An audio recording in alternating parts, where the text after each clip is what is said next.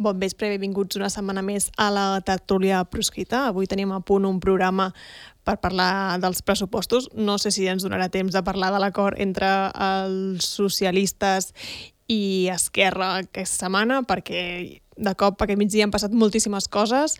El Tribunal Suprem investigarà per terrorisme a Puigdemont i Barensverd en la causa del tsunami. Així que esborrem el que teníem i comencem parlant d'això encara que també crec que avui hem de parlar sobre el cas Coldo, el cas Avalos... Bueno, bon vespre, Albano, bon vespre, Josep, ha girat feina. Bon vespre, d'això es tracten les tertúlies, no? Sí. D'estar mirant la realitat i intentar entendre-la col·lectivament. Doncs, si us sembla, anem a posar ordre tot plegat i comencem amb la tertúlia proscrita.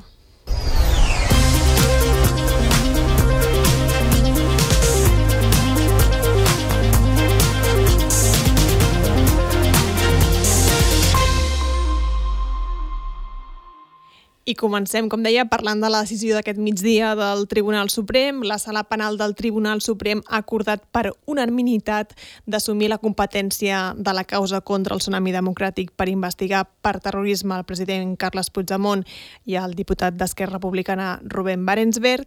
Els magistrats de la sala que presideix un vell conegut, Manuel Marchena, no han fet cabal del criteri del tinent de Fiscalia que desaconsellava que el Suprem assumís la causa eh, com dèiem, assumeix la causa només per això de Puigdemont i Barensberg, sí que no assumeix la causa sobre els altres 10 investigats que continuaran en mans del jutge de l'Audiència espanyola.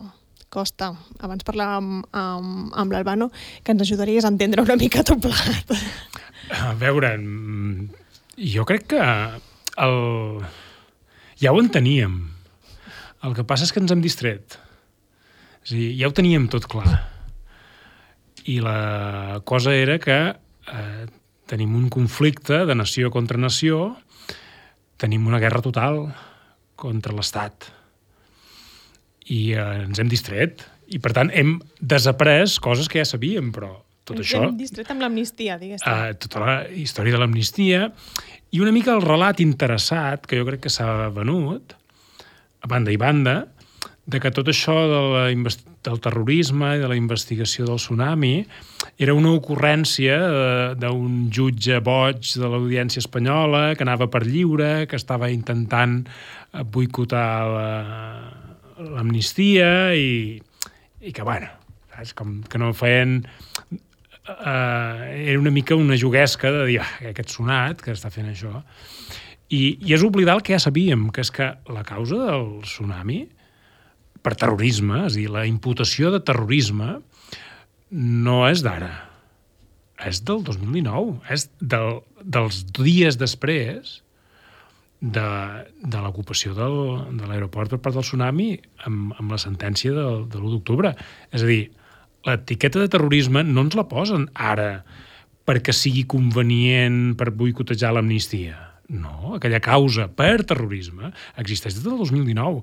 Una altra cosa és que estigués, d'alguna manera, eh, esperant... Eh, esti... Jo crec que estava... Era munició carregada que estava guardada per quan fos necessària, que és diferent.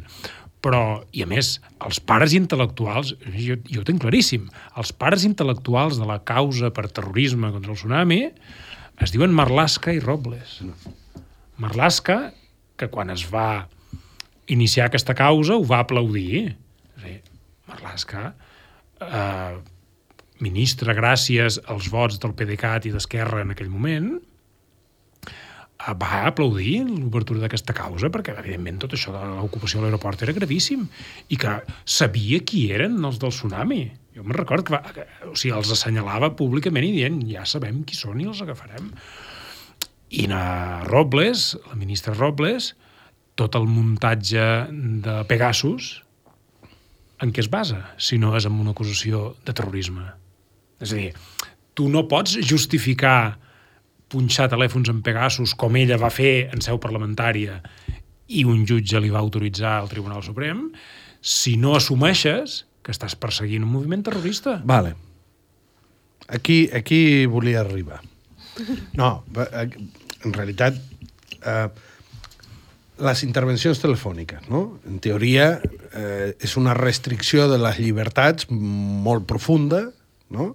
que només està um, Permesa. justificada quan hi ha uns indicis sobre uns delictes especialment greus. No? És a dir, eh, so, eh, qualsevol intervenció telefònica, però si a més a més és una intervenció com les que van veure fent servir programaris mm. eh, informàtics i tal, digue-li Pegasus, digue-li el que sigui, perquè es va, ser, es va fer servir en la causa, no només el Pegasus il·legal, sinó que en la causa del tsunami es va fer servir eh, això. Per tant, hi ha, hi ha la pota de la Guàrdia Civil, és a dir, hi ha la Vale. pota CNI del Pegasus, Sí. l'escàndol Pegasus, que I- és Robles, és el CNI i és l'autorització I- del Tribunal Suprem. I després hi ha la pota Guàrdia Civil, que és Marlaska i l'Audiència Nacional.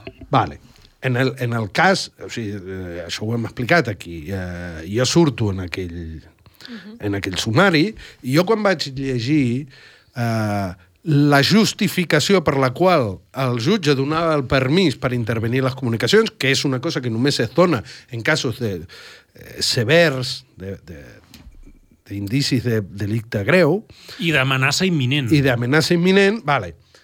Jo vaig llegir la que, la que em eh, atanyia a mi mateix i vaig veure que no estava justificada. És a dir, que no estava justificada, que els indicis eren molt fluixos. I aquí és on ve la meva pregunta. En el, en el cas meu i en el de molta altra gent a la que se li va aplicar aquesta restricció de la privacitat de les comunicacions, una de les coses que deia és, escolta'm, aquesta gent o va fer tuits, o va tallar una carretera, no sé què, no sé quantos, per què? Al final, fer tuits, tallar carreteres, no sé què, en principi no és terrorisme, però es deien, i aquí ve la pregunta, es deien, um, com que aquests tuits o talls de carretera i tal tenien com a objectiu subvertir l'ordre constitucional o eh, subvertir l'ordre econòmic, no? Com que aquest era l'objectiu, de cop uns delictes que en principi, pues, si és que ho són, són qualsevol delicte, es converteixen en terrorisme perquè tenen un objectiu que jo considero que és polític, perquè jo aquí mateix puc dir clarament que tinc com a un dels meus horitzons vital subvertir l'ordre constitucional i tinc com a un dels meus objectius polítics subvertir l'ordre econòmic actual jo el que no entenc, i aquí és on m'agradaria que ens expliqués, és a dir, uh, llavors, què és el que fa el terrorisme? El delicte o l'objectiu? El, el, el, el Codi Penal, avui, des del 2015, i encara vigent després de 5 o 6 anys de govern suposadament més progressista de la història, eh, el Codi Penal defineix el terrorisme de manera que només es pot entendre com a delicte polític. El terrorisme en el Codi Penal espanyol és un delicte polític. Delicte polític en quin sentit? Que no es defineix pels fets, no es defineix per la conducta que tu fas, per la gravetat dels fets que t'imputen, per les eh, no? per l'amenaça, per la vida de les persones... No, no, no, no, no té res a veure amb això. El terrorisme es defineix per l'objectiu polític que persegueixes. És a dir, i a més, i a més avui la, la, la interlocutòria de Marchena, perquè l'ha dictat Marchena, la sala presidida per ell, presidida per ell, en aquest cas, i en tots els casos, diguéssim, institucionalment presideix ell la sala, però no sempre presideix els casos concrets. En aquest cas, és la sala presidida per Marchena i en una decisió en què ha exercit ell també de president de la, del Col·legi de Magistrats. Uh, per tant, Marchena és la màxima autoritat en dret penal de l'estat espanyol.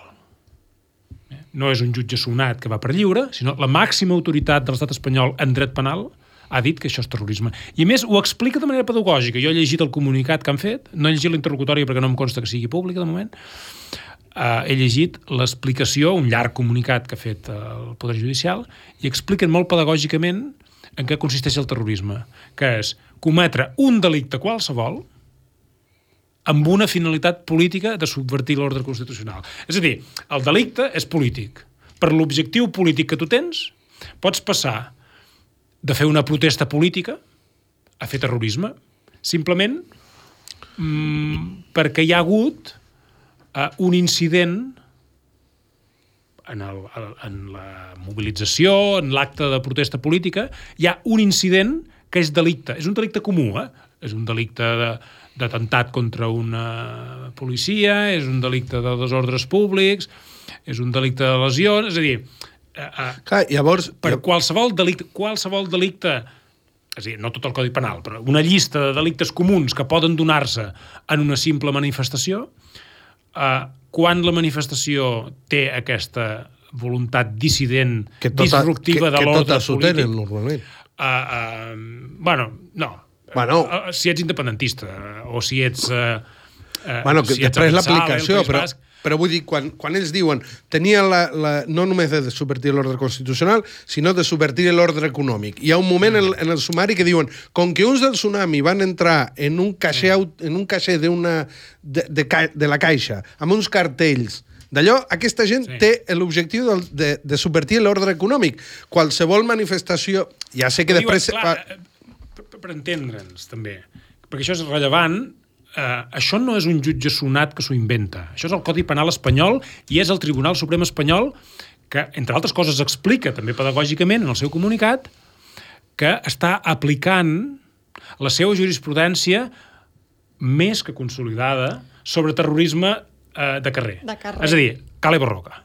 Estan aplicant una jurisprudència que no se la inventen per aquest cas, no, és la jurisprudència de la Cale Borroca, que l'ha de, eh, definit i l'ha consolidat i l'ha difós la sala penal del Tribunal Suprem, que és la màxima instància judicial vale. La màxima autoritat en dret penal.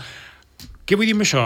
Que quan algú diu això només és terrorisme si ho fan els independentistes, exactament és així.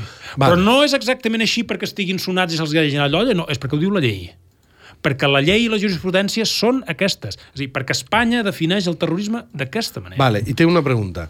Uh, ara, per exemple, els pagesos estan tallant uh, una Això autopista. no amenaça l'ordre constitucional. Vale, però Per el tant, no fet... terrorisme. Però el fet... El fet és el mateix. El fet és el mateix. Sí. Clar, uh, Però no és terrorisme perquè no amenaça l'ordre constitucional. clar, però llavors això...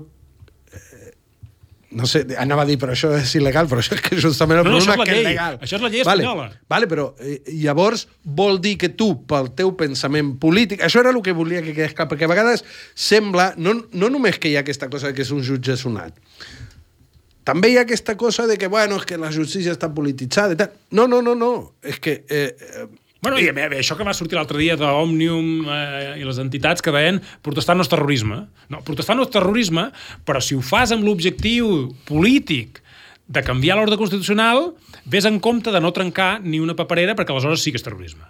Perquè ho diu la llei espanyola i la jurisprudència del Tribunal Suprem. com, això, això com ha passat, els filtres... Eh...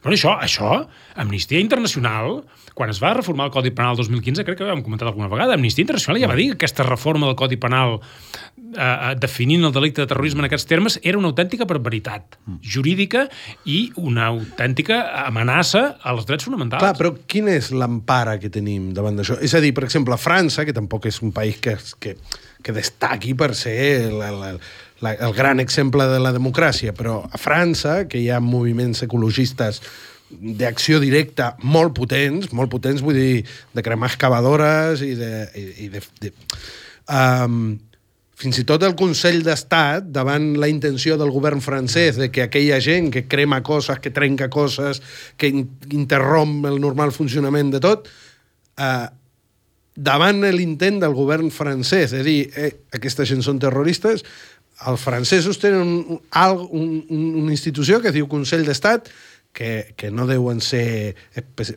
però que diuen això no és terrorisme. És a dir, a nosaltres se'ns ha acabat, no hi ha ningú més que ens pugui emparar davant de- d'aquesta manera de... A curt termini no, a llarg Qui seria? El, cu- el Congrés canviant les lleis? El tri... bueno, i el Tribunal Bueno, d'Estrasburg, el Tribunal d'Estrasburg pogués eh, entendre que hi havia una, uh, uh, una penalització de drets fonamentals, que jo crec que hi és, és a dir... Però, però, però també és complicat, perquè aquesta reforma penal um, també té un context. Uh, I també venim d'unes experiències doloroses i d'impacte social uh, que tenen a veure amb el terrorisme jihadista. És, dir, és que al final, és dir, si un senyor uh, sol, no? un llop solitari se'n va enmig d'un passeig concorregut amb una furgoneta i comença a atropellar gent, això Clar, això s'ha definit com a terrorisme.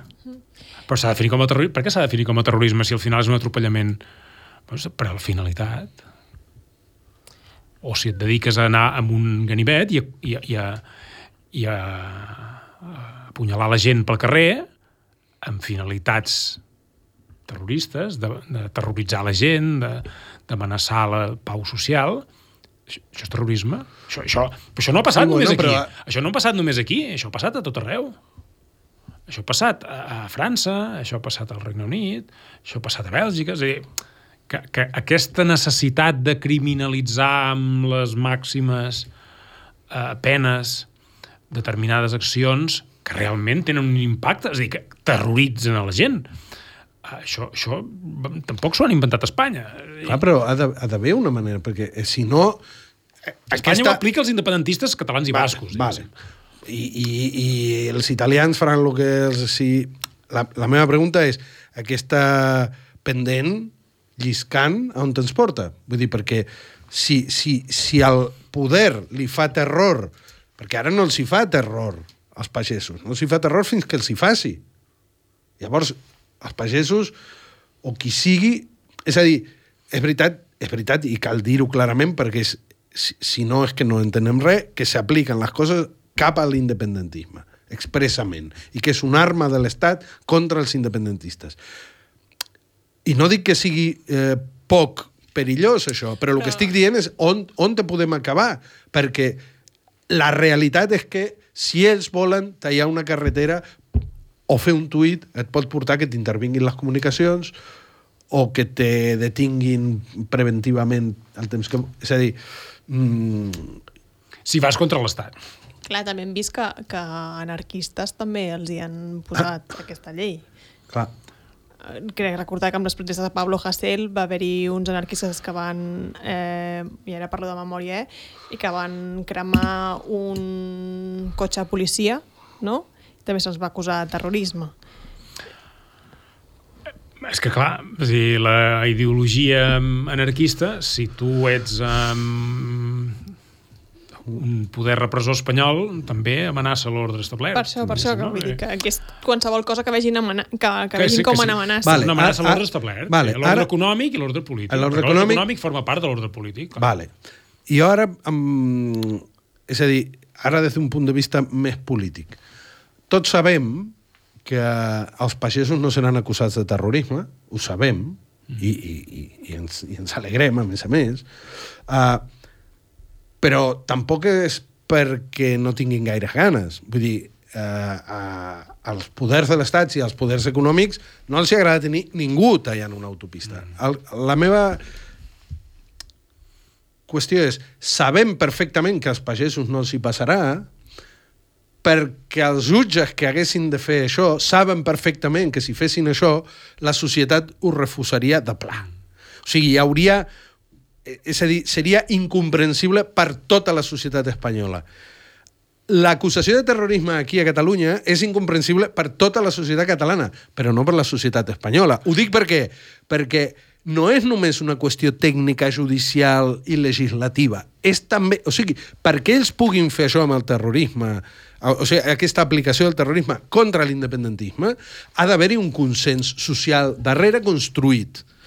Bé, No? però és que, Perquè- és que el, el, el, el, els dies que estaven passant els fets de, que motiven les investigacions del tsunami i relacionats, perquè al final la batalla d'Urquinaona en principi no té res a veure amb el tsunami, eh, però això en els mitjans de comunicació espanyols unànimament s'explicava com a terrorisme, com a Cale Borroca. És a dir, la gent, per parlava, dic. la gent parlava. En, en Ferreres de la Sexta, que és el més progre d'Espanya, parlava de Cale Borroca. Per, per I això... no només a Ferreres. Però estic Mitjans, dient- estic dient- mitjans catalans també Estic parlaven dient de lo Cala més Borroca. progre d'Espanya, I no? mitjans catalans també van sí. eh, parlar molt malament d'aquells joves d'Urquinaona i els van atacar, diguéssim, per, les, per com protestaven, no? Se'ls va crimine- criminalitzar. Clar, la, la... Tu al principi vas començar la tertúlia dient nego, nego aquesta idea de que és un jutge boig, sinó que és tot, tota, tota l'estructura, no? Deies, el tio que està al capdamunt és la màxima autoritat. Aquesta jurisprudència per, sobre... És a dir, per això, la, per això, però espera. La jurisprudència que aplica avui el Tribunal Suprem amb el senyor Marchena al capdavant mm. està validada pel Tribunal vale, Constitucional. Vale, perfecte. Per tant, això no és un jutge boig, sinó que és part de l'estructura jurídica, però per poder ser aplicada també és part de l'estructura mediàtica i part de l'estructura sociològica de l'estat espanyol. Per tant, no és només que no és un jutge loco, és tot un estat. I per, Bueno, això, per això- i per aquí això ve la part PSOE política, aquí ve la part política del error brutal que suposa creure que és les clavegueres, això que hem, hem dit les clavegueres, però que hi ha uns amb els que pots interactuar. No pots... No, aquesta idea de no, amb el PSOE sí que ho podem intentar, no ho pot... Aquesta potser és la, la, el mirall que s'ha de trencar, no? Bueno, El miratge. Però jo tinc un dubte. D'aquí ve tota la història eh, del PSOE amb el terrorisme a la llei d'amnistia. Perquè el PSOE no pot sostenir l'amnistia del terrorisme. Perquè el terrorisme és un concepte tan carregat a Espanya, ideològicament, que políticament no poden gestionar l'amnistia del terrorisme, incloure la, en el redactat explícitament que s'està amnistiant el terrorisme. I, per tant, a, a, no, no, no, no, el problema, tu dius, és que a, a, el PSOE forma part de tot aquest entramat político-mediàtic, jurídico-social, Sociològica. que, que, que sosté la consideració de terrorisme de tot allò que és independentisme, diguéssim, no? Per això, si els jutges fan això, i, i ho poso sobre la taula a modo de pregunta, si els jutges fan això, és perquè la societat espanyola està d'acord. Bueno, i- Tàcitament, ara però la societat espanyola dona suport a això. La monarquia espanyola, segur. I, el... I la societat majoritàriament Però, també. També, i ara, però és que, és que la, la societat espanyola ha votat el PP i Vox. Recordem coses que ja hem dit en aquesta tertúlia, que el PSOE ha perdut les eleccions a Espanya, que està governant No, per una que- aliança d'antiespanyols. I que una part del PSOE i dels votants del També. PSOE, mm, bastant gran, també estan d'acord amb que... Eh, Però vull dir que això és una aliança dels enemics d'Espanya eh, contra els que han guanyat les eleccions a Espanya. Però... Jo ho, fer- ho, ho dic jo- per jo fer un una- plànol, també, o sigui, l'independentisme català hauria de fer un plano de, del camp de batalla i entendre quin paper juga cada oponent. Si aquell té cavalls, si aquest té eh, artilleria, si aquell té... Perquè si no, si tu i, i parlo en termes bèl·lics perquè és un enfrontament, però és a dir, hi ha un enfrontament polític, hi ha dues nacions que xoquen, amb visions polítiques diferents, i crec que hi ha una de les nacions, que vindria a ser eh, la nostra, que està en aquest camp de disputa sense entendre, no estem entenent com té muntada l'altre el sistema d'atac. No ho estem entenent. Aquest és el, el Correcte, problema. Correcte, i no hem entès que no pots eh, desarmar la lluita, que no pots desmobilitzar la gent quan Perquè- la- quan l'altra part no ha retrocedit ni un mil·límetre. El, el que jo volia afegir a tot això és que eh, fer una predicció que crec que no tinc gaire risc d'equivocar-me. Uh -huh. És a dir, quan en García Castellón de l'Audiència Espanyola feia totes aquestes interlocutòries acusant de terrorisme i tot això, que la gent no s'ho prenia seriosament, perquè ho hem de dir, que la gent ni aquí ni allà no s'ho prenia seriosament, i, i hi havia terminals mediàtics a l'entorn del PSOE, fins i tot polítics del PSOE, com que d'alguna manera suggerien que aquest jutge anava passat de voltes o anava una mica d'estar fora de lloc, al Tribunal Suprem ningú insinuarà que prevarica. M'explico o no? És a dir, el PSOE no s'enfrontarà al Tribunal Suprem. El PSOE no insinuarà que Marchena ha prevaricat. Perquè és, és un dels dubtes que tenia. Dic que això és que al final el PSOE, PP, eh, han fet unes normes i ara, se, és a dir, se'ls giren en contra el que ells ara voldrien fer políticament.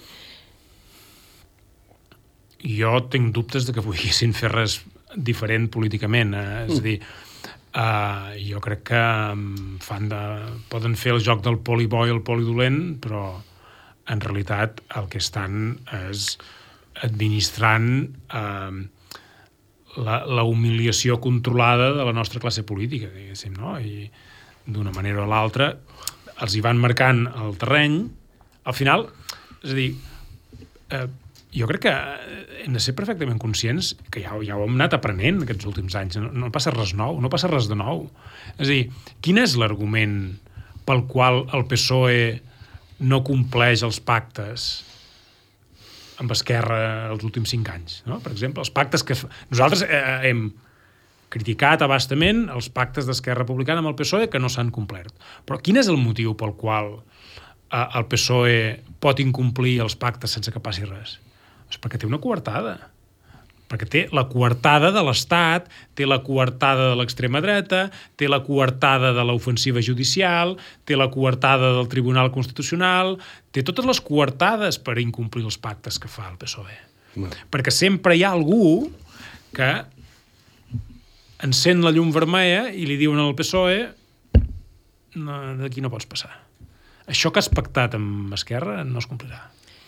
I, bueno, això sempre es compleix. És a dir, Clar. això sempre, fa, sempre va així. I ara està passant exactament el mateix. Que això és una cosa, eh? és, un, és un sistema, diguéssim, de, de coneixement compartit que, que tots hauríem de tenir, que és que pactant amb el PSOE passa això sempre. Que algú treu les, les armes i impedeix que el PSOE... És igual si el PSOE vol complir o no, és, és indiferent si el PSOE té voluntat de complir o no. Ho fa impossible. Bueno, però és que més ho té molt fàcil, perquè fins i tot et pot dir jo és que volia complir, però veus que no puc. Per tant, tu no te pots enfadar amb mi perquè jo incompleixi els pactes. Que... I llavors, bueno, pues, Bueno, bueno això- a, això forma part... Però això aquest gir ja ha existit. El gir ja s'ha donat. És a dir, uh, hi havia tot un sector de l'independentisme que quan els pactes del PSOE amb Esquerra no es complien, uh, atacava Esquerra per haver fet uns mals pactes, no? I, i ara ja veiem el viratge no? de, de determinats uh, referents de discurs que ja uh, uh, bueno, la culpa és dels jutges, la culpa és del Deep State, la culpa... Perquè si l'amnistia no funciona és culpa de tothom menys del PSOE i menys dels que l'han pactat. Vale. Escolti'm, eh, vale. jo crec que aquí A- Això està, resumit, això està resumit en això que va dir Puigdemont en una entrevista, o no sé on t'ho va dir, de dir eh, que el PSOE eren els masovers, no? O, Ah. clar, en el moment que Puigdemont pacta amb els masovers, està acceptant uh, estratègicament està acceptant... Està cometent el mateix error que Esquerra. El, el mateix error que Esquerra. Llavors, uh, Perquè el problema no Clar, ha estat mai. El problema no ha estat mai que Esquerra fossin uns incompetents negociant que ho són. Però no era aquest el moll de l'os. Em, parlant, de, parlant una altra vegada, diguéssim, de què passarà a partir d'ara, no? Diguéssim, ara la magistrada instructora del Tribunal Suprem a la causa és la Susana Polo. Quins són els següents passos? Perquè entenc que per poder... perquè Puigdemont pugui declarar han de demanar un suplicatori al Parlament Europeu. Evidentment, el, el Tribunal Suprem no pot instruir una causa contra un eurodiputat sense demanar el suplicatori, que és, una de les coses curioses que he trobat en la decisió d'avui, que és que no parlen en cap moment de que sigui eurodiputat. Eh? És a dir, parlen del diputat Wagensberg, però no parlen de l'eurodiputat Carles Puigdemont. Um, hi ha un problema que és que uh, la, la, bueno, la competència del Tribunal Suprem per jutjar eurodiputats és una cosa absolutament controvertida, que s'ha controvertit des de fa molt de temps.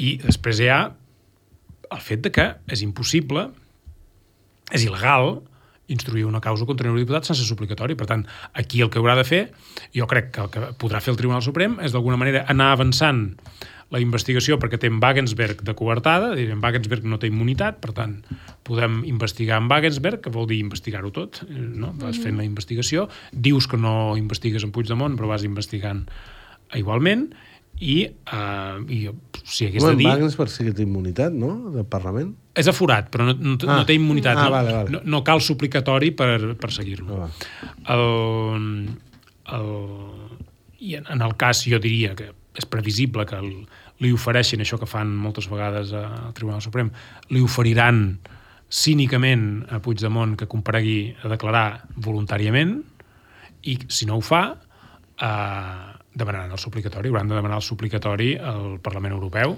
Que entenc que s'allargarà, això. Que no, Bueno, només hi ha jo- unes eleccions entremig. I jo, sí, és a dir, jo no, no, mm, no em costa... Clar, i què votarà el PSOE amb el suplicatori? No em costa... No, perquè si el PSOE va votar a favor de, la, de les mandangues aquestes de la trama russa fa, fa dues setmanes... Bueno, i què, què farà el Parlament Europeu davant d'un suplicatori per terrorisme? Ah, A veure, aquí hi ha una cosa que és que això se'n va, molt previsiblement, se'n va a la pròxima legislatura del Parlament Europeu, perquè del mes de març al mes de juliol que es constitueix la nova legislatura és difícil tramitar un suplicatori que és complexa. Aquest suplicatori és complexa. No, no, no el poden ventilar en dues sessions. El, el suplicatori anterior va durar més d'un any uh, i això que tenien una pressa immensa per tramitar-ho en dos o tres mesos. Uh, podrien anar molt ràpid, intentar-ho, no sé, Adrián Vázquez, que avui ha sortit, curiosament, ja ha sortit a piular sobre el tema, uh, potser intenta tramitar-ho molt ràpidament. També hem de veure quina rapidesa eh, emprèn el Tribunal Suprem a l'hora de demanar-ho. Perquè potser fan una citació de dir pot venir vostè voluntàriament. Uh, I després, si no, evidentment crec que no passarà que vagi voluntàriament en Puigdemont, hauran d'anar a demanar el suplicatori, etc. I aquí ens en anem a la pròxima legislatura. Clar, la pròxima legislatura serà molt diferent, potser, o no, però hi ha alguns indicis de que les correlacions de forces al Parlament Europeu poden ser diferents. I en el, El cas... PSOE, pitjor. el PSOE va guanyar les últimes eleccions al Parlament Europeu, I a en, a l'estat espanyol. I en el cas de Barenberg, eh, sabem que està a Suïssa, perquè Mm. ho ha dit ell. Això podria fer que acabéssim demanant una detenció internacional? Sí, jo crec, que, jo crec que ho faran. És a dir, jo crec que els citaran a declarar i si no, els citaran de manera pràcticament imminent a declarar i en el moment que no comparegui a declarar emetran un ordre de detenció en territori espanyol i a, i a nivell internacional i euroordre supos que també, per si surt de Suïssa.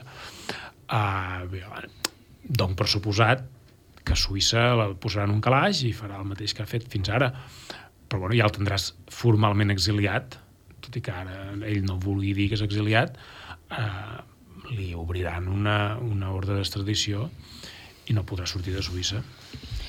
Uh, I entenc que les, la resta de les 10 persones que ara no, que el Suprem no ha acceptat que va, van a l'Audiència Espanyola, això no significa que això s'acabi per aquestes 10 persones, al contrari, començarà l'Audiència Espanyola. No, perquè, de fet, eh, aquí hi ha una altra cosa, que és que tothom ingenuament es pensava que els recursos que s'havien interposat contra les decisions de García Castellón, la sala d'apel·lacions de l'audiència s'ho carregaria i que això, com que la Fiscalia també estava en contra de la investigació per terrorisme, que la causa aquesta quedaria en res. Hi havia gent que més o menys presumia, o ingenuament, de que, bueno, que això no tenia recorregut perquè el tribunal, eh, la sala de l'Audiència Nacional espanyola, eh, es carregaria la investigació per terrorisme i pa- pararia els peus en aquests jutges. És a dir, com que s'havia creat aquest relat de que era un jutge sonat que anava per lliure, tothom pensava, bueno, entre la fiscalia i les apel·lacions, això ho aturaran. Però ara té la benedicció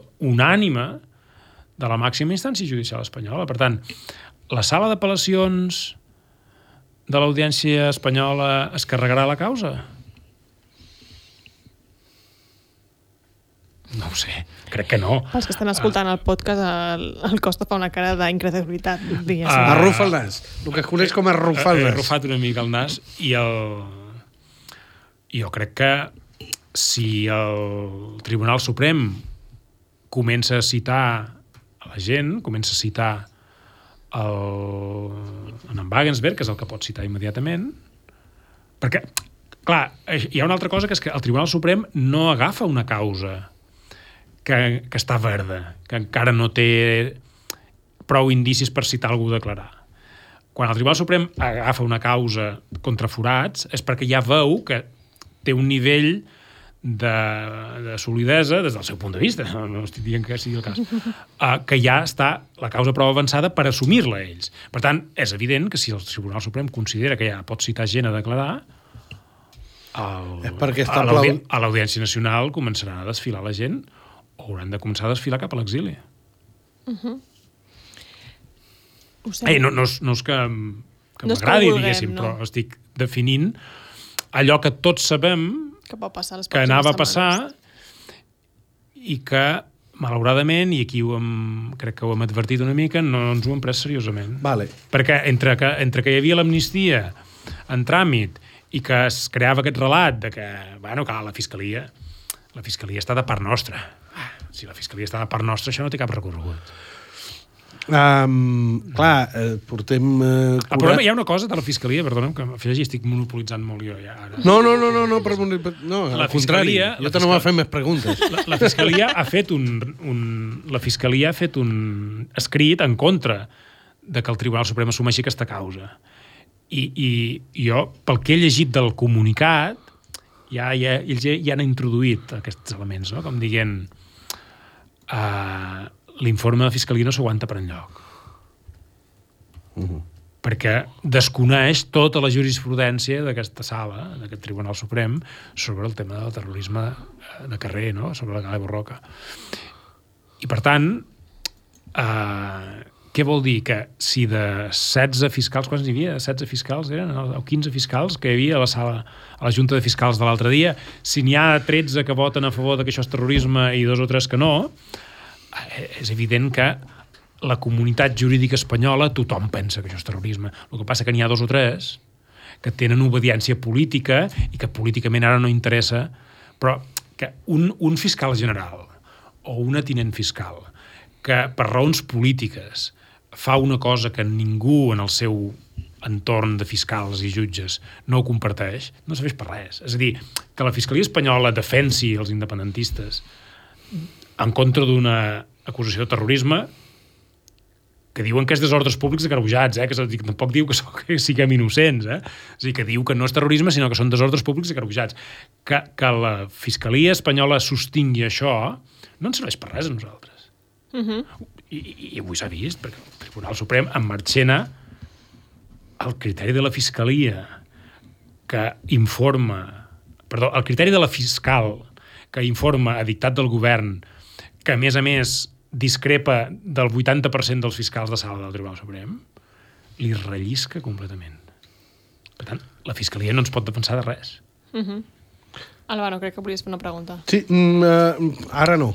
Ara no? Ja no? Ara vull parlar, ara vull, més que pregunta, vull fer afirmacions. Doncs afirma, afirma. No, no, però és que justament ara t'estava escoltant i al final crec que el que passa és a dir, aquesta gent estan perseguint a Wagensberg, estan perseguint a Puigdemont, però aquesta gent un altre cop potser ha entès amb més claretat de què va, de què va el, el tauler de xoc. Vull dir, per no fer servir símils bèl·lics. El tauler de xoc. I el tauler de xoc va de que aquesta gent, amb molt bon criteri, ha entès que si alguna cosa eh, els hi pot provocar un problema molt greu per la continuïtat de la seva Espanya unida, és un poble mobilitzat. I llavors, aquesta gent ha tirat tota l'artilleria a dir hem de parar les mobilitzacions d'aquesta gent com sigui. Òbviament estan perseguint a una gent de manera retrospectiva, però estan enviant un missatge cap al futur, de dir que quedi ben clar que tallar una autopista, si ets independentista, és terrorisme. Que quedi ben clar que rodejar un aeroport, si ets independentista, és terrorisme. I ho matxacaran pels seus, que ja ho tenien clar, però que quedi encara més clar, que la propera vegada, i també és un missatge cap a nosaltres, de dir, ostres, bueno, pues, votem a no sé qui, eh, posem unes pancartetes i tal, però no tallem res la propera vegada, perquè sabrem que és terrorisme. Llavors, aquí hi ha una reflexió política que hauríem de fer com un moviment. Continuem confiant com a moviment independentista en el poder de la mobilització, sí o no? Això, això és una cosa que se li hauria de preguntar en les properes eleccions al Parlament de Catalunya qualsevol que es presenti com a independentista i que no tingui un pla de mobilitzacions al carrer, a banda d'altres coses. En realitat, està acceptant i anant de la maneta de Marchena. Qualsevol altra eh, opció és impossible. És a dir, ells han entès que el perill és la mobilització, perquè ells han entès, i ho van entendre l'1 d'octubre, que si la gent de Catalunya eh, vol fer una cosa, la fa. I ells no ho poden aturar. I això és el que van entendre l'1 d'octubre, i això és el que van veure amb pànic amb el tsunami, i això no s'hi pot tornar a passar mai més. Mai més. Pues nosaltres haurem de fer una reflexió. Però més, perquè, pel que he entès avui, més clarament que mai, eh, l'important no és si vam tallar o no la carretera, és que, que érem un perill per ells. Per tant, eh, podem, podem penjar uns cartells i ser un perill, perill per ells, depèn de com. Mm. No? Vull dir que no és tan important quina mobilització fem, Sí. sinó que fem una mobilització. Sí, però justament sí que és veritat que ells se passen en l'objectiu, però sí que és veritat que el que, lo que, lo, lo que la gent compra massivament a la societat espanyola és que tallar carreteres i tallar aeroports és algo intolerable, terrorista i que no pot tornar a passar. Però entenc, o sigui, justament ells ens estan donant la clau, la clau de dir uh, si vos, en realitat ens estan dient, en la seva amenaça, el que ens estan dient, si ho sabem interpretar, és si feu això que vau fer, ens guanyeu. Si feu això que vau fer, ens guanyeu. em permets si, fer si, una- si ho acabeu de fer. Si, si, si ho ho feu fins a les malament, conseqüències. si ho feu Hi ha malament... una cosa, a, a, a, ahir vàrem conèixer la notícia de, de que havien desestimat el recurs, l'últim recurs de, del president Torra uh -huh. eh, per la seva inhabilitació per desobediència. Potser amb el temps, tota aquella gent que se'n va enfotre una mica de les la desobediències del, primer, del president Torra, entendran per què el president Torra era una amenaça per l'Estat.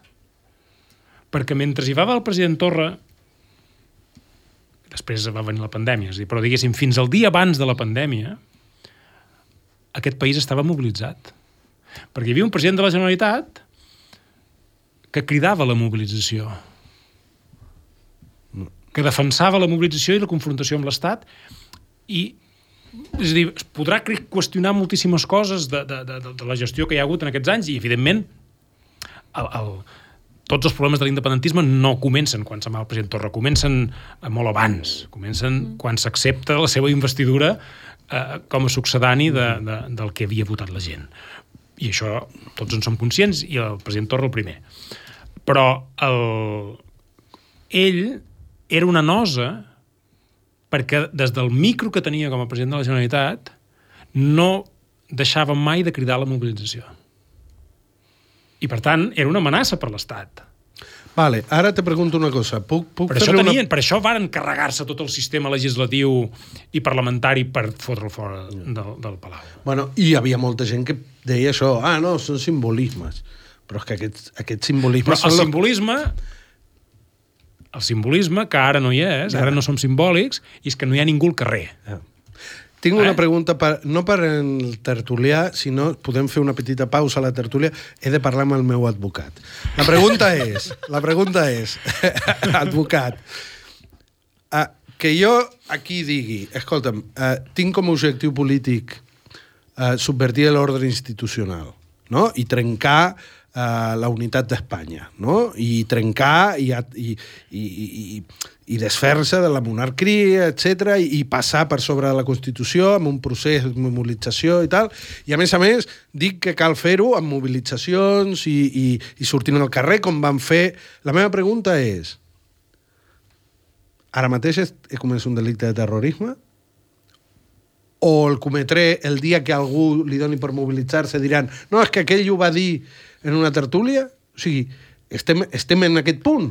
Ho dic perquè, perquè això també afecta. Clar, si tots comencem a dir ui, cuidao, que si dius mobilització et poden acusar de terrorisme. Amb el que he dit aquí em podrien acusar aplicant la plantilla... Encara no hem arribat al tema de l'enaltiment del terrorisme. Ah, Encara no hi hem arribat. Però això està al Codi Penal, encara. L'enaltiment del terrorisme encara existeix. Uh, ah per cert, en, en el sumari aquell hi ha un moment, perdó que parli amb el meu advocat de coses nostres, però en el sumari hi ha un moment que el redactor de la Guàrdia Civil diu que jo feia tuits enaltint polítiques independentistes. L'ús del verb enaltir no és casual. Vull dir, enaltir, a més, enaltir veure, polítiques. tu saps que el portaveu del govern espanyol va fer la, servir la paraula tumulto per primera vegada en molts anys i de sobte això va convertir-se en una acusació de sedició que, Tumultuari. que és la eh, acció tumultuària, diguéssim. No? Per tant, mm, jo, jo No hem arribat, però podem jo arribar. No sé, no sé el temps que em queda, però jo ara... Ens hem petat la tertúlia per tot arreu, però... Jo vull ara fer una, una conclusió de tot això i vull demanar la dimissió fulminant de totes les persones que han dit en aquest país en els últims mesos que s'havia aconseguit acabar amb la repressió. Que dimiteixin immediatament, tots, per inútils. Perquè ho han dit molts, eh? Que havien aconseguit acabar amb la repressió, pactant l'amnistia i pactant amb, amb el PSOE, etc etc, que dimiteixin tots immediatament. Per dir, per posar-se la medalla que havien aconseguit acabar amb la repressió. Va, puc una cosa més? Pots, pots. Eh, no, que aquesta setmana mateix, avui venia escoltant la tertúlia dels mitjans hipersubvencionats, i eh, eh, aquesta setmana mateix ens tornaran a dir no, és que, bueno, millor aprovem la llei, la llei d'amnistia perquè com a mínim una mica i l'altre ja veurem com ho... Vull dir, que aquesta lògica segueix funcionant. La lògica de, bueno, una mica, i, i, i això a sobre ho vendrem com que estem fent passes cap a eh, la desjudicialització i tot això. És que... Eh, no només que no dimitiran, sinó que aquesta setmana tots aquests et diran que, que, que, que, que ets bueno. un bord per, per eh, dir No. tot això que estàs dient. Perquè... La setmana que ve parlarem de l'amnistia, seguríssim. Seguríssim. Perquè se- toca, en principi, toca que hi hagi un acord. Uh, però clar, l'acord és molt més complicat ara que abans. A veure si tornen a allargar 15 dies més. No em sorprendria. Tampoc està prohibit. Uh, No poden els fer-ho. termi- De els, ter- fet, els terminis de fet, parlamentaris... crec recordar que ahir Sumar va sortir, va sortir dient que es podia allargar 15 dies. Sí, algú, Recordant algú, algú va dir, allargar. en algun moment algú va dir, ho record perfectament, que algú va dir fulles, no? que no, no, que a, a, el 7 de març era la, el, el caixa o faixa perquè s'acabava el termini. Jo vaig pensar, dic, els terminis parlamentaris, tots ho sabem, eh, sempre es poden prorrogar, sempre es- van prorrogant de manera successiva i, i a vegades quan tu no vols que es tramiti una llei demanes 15 pròrrogues pues i, i, ja, les vo- aproves. ja veureu el pressing, el pressing que hi haurà, i això és la cosa que a mi no em queda clara, de dir, si saps que la repressió continuarà, però el govern de Pedro Sánchez podrà sortir internacionalment a posar-se la medalla de que ha amnistiat els independentistes, els que no estiguin coberts per aquesta eh, amnistia estaran més venut encara, i veurem el pressing, ja l'hem vist l'altra vegada abans de la votació i el tornarem a veure, eh, que a sobre la culpa serà d'aquells que es neguen a acceptar o que, o que diuen obertament el que tu estàs dient, que la, la, la repressió continua. I ara la Txell, vol- eh, eh, abans de començar, estava comentant una cosa que li deixo, però... Mm, bueno, res, que ens hem petat la... Vull dir, an- anàvem a parlar d'Avalos, anàvem a parlar del Hard Bueno, Rock... de fet, volia parlar d'Avalos una Però, miqueta. però podem aquests parlar... De, que tu, tu vas dir Bueno, lo, lo lo d'aquell lo d'en lo d'en Dani Gallardo. Ara, no? ara, tot, ara tot lliga, ara tot lliga, perquè... ho dic perquè ara ha sortit lo de la repressió que no s'atura. De fet, sí, tens raó. Eh, lliga, ara lliga més, vull, volia parlar d'Àlvaros, però lliga més denunciar que en qualsevol moment eh, poden anar a buscar Dani Gallardo per posar-lo a la presó. De fet, eh, avui hem publicat que, que ell en principi no, no es presentarà, per tant l'hauran d'anar a buscar. Per tant, ens podem trobar, trobar amb un, amb un nou pres polític, eh, de nou a la presó eh, per independentista, Ah. per defensar l'independentisme català. Algú sap si la llei d'amnistia el cobreix? En principi deien que sí, però eh, com tu sabràs, només ho sabran els jutges, eh, això, A, a, en els realitat. fets ocorreguts fora de Catalunya estan emparats per l'amnistia? Crec recordar eh, que una de les coses que van posar era que perquè entrés Dani Gallardo eh, estaven inclosos. És Però dir, després... No, no, no, jo, jo, només faig la pregunta, jo no l'he de contestar, al final. El, és a dir, no, no hi havia la demarcació que només... No, no hi ha... no, no ho decidiré jo, això. Eh? És No, dir, era un jutge. ara, la, la, la expressió, la preposició a Catalunya a la llei existeix. Ahí lo dejo. És a dir, Vale. Um, no, I no estic donant idees perquè les tenen totes ells i el, el que som nosaltres, els ingenus de pensar que no les tenen ells, les idees. Um, jo, en, en, uh, jo volia relacionar-ho tot això, és dir, ara semblaria que uh, la feblesa del PSOE amb tot el cas de corrupció que li ha esclatat ajuda a l'independentisme a pressionar per, per millorar l'amnistia. Uh, el PSOE, es- estic segur, eh, pensarà que la decisió del Tribunal Suprem pressiona l'independentisme per acceptar qualsevol amnistia. Perquè si no... És a dir, a veure, ens podem trobar que la setmana que ve l'Audiència Nacional comenci a dictar eh, citacions i ordres de cerca i captura si algú no es presenta. Per tant, hi haurà gent que dirà anem a aprovar l'amnistia ja d'una vegada perquè si no eh, començarà a desfilar gent pels jutjats una altra vegada, tornarà a haver gent a la presó, etc etc. De fet, aquesta setmana em va sorprendre que hi havia advocats eh, de l'esquerra independentista que ho deien. Va sorprendre. Què deien? Que deien hem de... Eh, hem de posar a fer, hem de tirar endavant amb l'amnistia perquè hi ha gent que està patint per si això s'aprova o no s'aprova. I- És que, i és que clar, és que, és que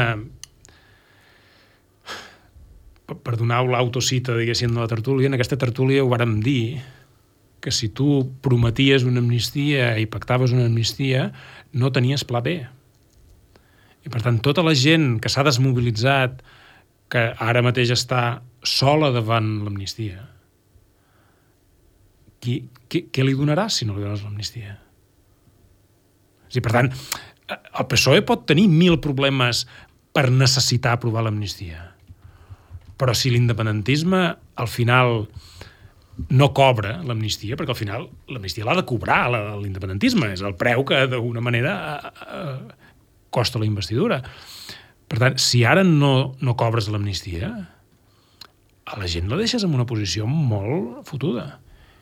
I això tothom ho sabia quan va emprendre aquest camí. I veurem, perquè ara no hi ha... És a dir, només ens pot salvar, i aquí hi havia una bona història de, de VilaWeb aquesta setmana, la Comissió de Venècia. Uh -huh. Una mica. Mm? És a dir, ara, de tot, de tot l'entrellat que ara hi ha, de si el Tribunal Suprem, que si Avalos, que tot això, és a dir, la negociació, la clau de volta, de si es prorrogarà o no es prorrogarà el termini, de què passarà amb l'amnistia, la clau de volta per mi en aquest moment, que és el que ningú no parla, és què dirà l'informe de la Comissió de Venècia. Perquè la realitat és que els propis negociadors estan amb l'ai al cor de què dirà la Comissió de Venècia. Perquè no s'atreveixen, i jo crec que amb bon criteri, eh? no és una crítica, amb bon criteri no s'atreveixen a aprovar l'amnistia sense saber què dirà la Comissió de Venècia. Si la Comissió de Venècia diu que l'article 2 o l'article 7 de l'amnistia són contraris a, la, a les bones pràctiques jurídiques del continent europeu, no s'atreviran a aprovar-ho. Llavors, anant al gra, I no s'atreveixen a enviar la llei al Senat abans de saber què diu l'informe. tu creus que l'independentisme la setmana que ve ha d'aprovar la llei d'amnistia amb totes les seves mancances? Jo crec que no hauria d'haver pactat mai una llei d'amnistia. Ja. Perquè sabíem tots i ho vàrem advertir que arribaríem en aquest punt. No. I ara no és fàcil sortir d'aquí. Perquè una vegada que tu tornes la gent a casa, no la treus quan vols. Això també ho vàrem dir. Quan tu envies la gent a casa, no la pots treure quan tu vols. No és un botó com aquests que tenim aquí, que ara dius, ara em cal mobilització, botó. I la gent Ja. torna a sortir. No, no, les coses no funcionen així. Això ho deia, això ho deia en Fontana. Mm, Quan tu envies la gent a casa, després no la treus quan la necessites. Quan la necessites no la tens. Bueno, perquè la, perquè la, perquè la gent té, té un criteri autònom i sap quan és vector de, del, del que passa a la societat o quan se la utilitza com a, com a eina per, per, per altres qüestions. No? Per Bueno, perquè el tsunami va ser, en el fons, molta gent s'imagina que el tsunami va ser instrumentalitzat per negociar els indults. Però ara, és a dir, la gent eh, no farem res si entra Dani Gallardo a la presó. I parlo de Dani- Gallardo, però amb el cap també Adrià Sas, que el 12 de març el Tribunal Suprem Espanyol decidirà sobre el seu recurs de si ha d'entrar a, si, si li refirma la condemna a 3 anys i 6 mesos i un dia de presó. Vull dir que aquest l'Adrià segurament seria el següent a, a entrar a la presó. Eh, no farem res com a societat si ells entren a la presó? Si entren a la presó per haver protestat perquè els altres estiguessin a la, per els líders polítics estiguessin a la presó? Bueno, eh, hi haurà una part de la societat, més gran o més petita, jo m'imagino que serà més petita de lo que a Catalunya estàvem acostumats, justament perquè van enviar la gent a casa, però aquella part ho haurà de fer i m'incloc en la mesura que ens podem incloure qualsevol de nosaltres en les accions que puguem. Uh, la societat es quedarà de braços plegats davant de lo de Sants. Bueno, la setmana passada es va convocar una manifestació i va anar gent. Era poca, clar, a totes les manifestacions sempre voldríem que fossin més. Ara, que, que siguem els que siguem. I si algun dia som més, i això també m'agrada recordar-ho, perquè no és un botó, però això sí que és un mecanisme, si algun dia tornem a ser més, i si algun dia tornem a tenir la capacitat de reconèixer-nos com a poble en els carrers i fer la feina que hem de fer, serà perquè quan passi lo de Dani Gallardo, quan passi lo d'Adrià Sàs, quan passi lo de Sanz, hi ha una part del poble pues, que continua mobilitzada. I, I aquells pocs que continuen, pues, a més de la feina de mobilitzar-se, tenen la feina de no desanimar-se perquè siguin pocs. I, I la manera de no desanimar-se és pensar que aquells pocs són la llavor de quan tornem a ser molts. I que ara calen moltíssim aquests pocs. Mm. Doncs crec que haurem deixat aquí sense parlar del cas Coldo, del cas Avalos... Hosti, volíem del parlar del Hard Rock, de... i, i jo, volia, jo volia colar també aviam si en Roger és el Espanyol... Cas PSOE, això, si Escolta, no és... tenim, el tema, tenim el tema del retorn de la Creu de Sant Jordi d'en Roger. Ah, Vull dir, tenim novetat? No, ara no, no tenim temps. Ho haurem de deixar per la setmana que ve. I deixem dir una frase d'en Coldo de tot això. Això és el cas PSOE. És a dir, el secretari d'organització del PSOE, ministre de Foment, que no és casual, que l'aparell del partit controli l'aparell de contractació de l'obra pública no és casual, uh, no és un personatge que vagi per lliure, és la mà dreta de Pedro Sánchez, és la corrupció del PSOE i de l'Estat, i és la manera com funciona, que, que a tothom li sembla normal que el secretari d'organització d'un partit sigui el ministre de Foment, el que té la repartidora més gran d'obra pública, i de contractes, i de, i de favors, i d'aquestes coses. Això és Espanya, i és el PSOE. Vale, jo només volia recordar una cosa, perquè potser que amb tant lío... El ministre de Sanitat era Salvador Illa. I la presidenta del govern de les Balears, Francina Armengol, Sí, sí, sí això, d'això volíem parlar, no, no, no dels espanyols, sinó volíem parlar de com tot això afectaria els països catalans, perquè José Luis Ábalos és diputat per, per València, vull dir que és ben bé països catalans al 100% tot plegat. Però com que crec que no s'acabarà aquesta setmana, el cas Ábalos, el cas Coldo, el cas Soe, com deia Josep Costa, en podrem parlar la setmana que ve, així que fins la setmana que ve.